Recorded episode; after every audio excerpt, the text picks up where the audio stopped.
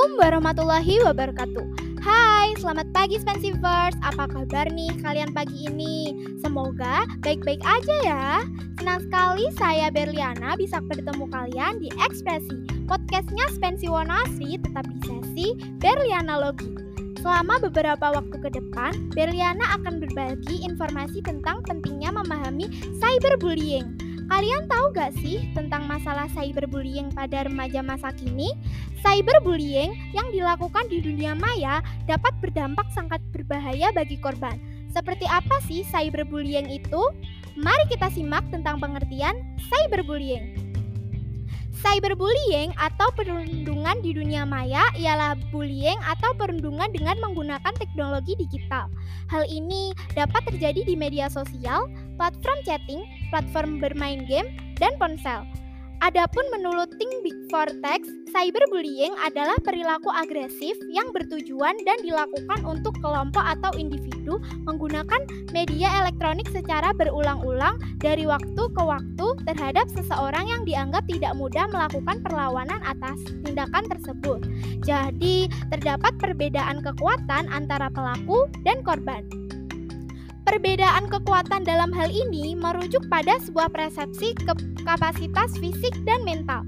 Cyberbullying merupakan perilaku berulang yang ditunjukkan untuk menakuti, membuat marah, atau memperlakukan mereka yang menjadi sasaran.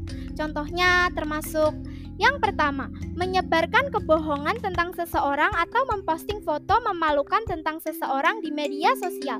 Yang kedua, mengirim pesan atau ancaman yang menyakitkan melalui platform chatting, menuliskan kata-kata menyakitkan pada kolom komentar di media sosial, atau memposting sesuatu yang memalukan atau menyakitkan.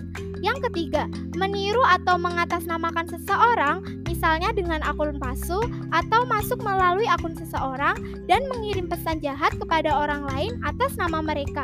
Yang keempat, trolling atau pengiriman pesan yang mengancam atau menjengkelkan di jaringan sosial, ruang obrolan, atau game online.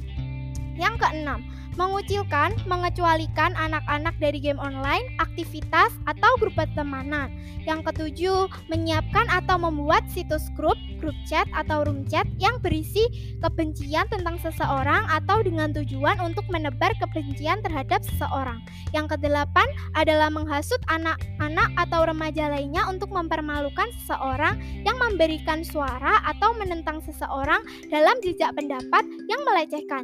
Yang kesembilan, membuat membuat akun palsu, membaca, atau mencuri identitas online untuk mempermalukan seseorang atau menyebabkan masalah dalam melakukan dalam menggunakan nama mereka. Nah, yang terakhir nih, yang ke-10 adalah memaksa anak-anak agar mengirimkan gambar sensual atau terlibat dalam percakapan seksual. Nah, bullying secara langsung atau tatap muka dan cyberbullying tersing terjadi dapat terjadi secara bersamaan. Namun, cyberbullying meninggalkan jejak digital, sebuah rekaman atau catatan yang dapat berguna dan memberikan bukti ketika membantu menghentikan pelaku salah ini. Nah, Spensivers, waktunya udah habis nih.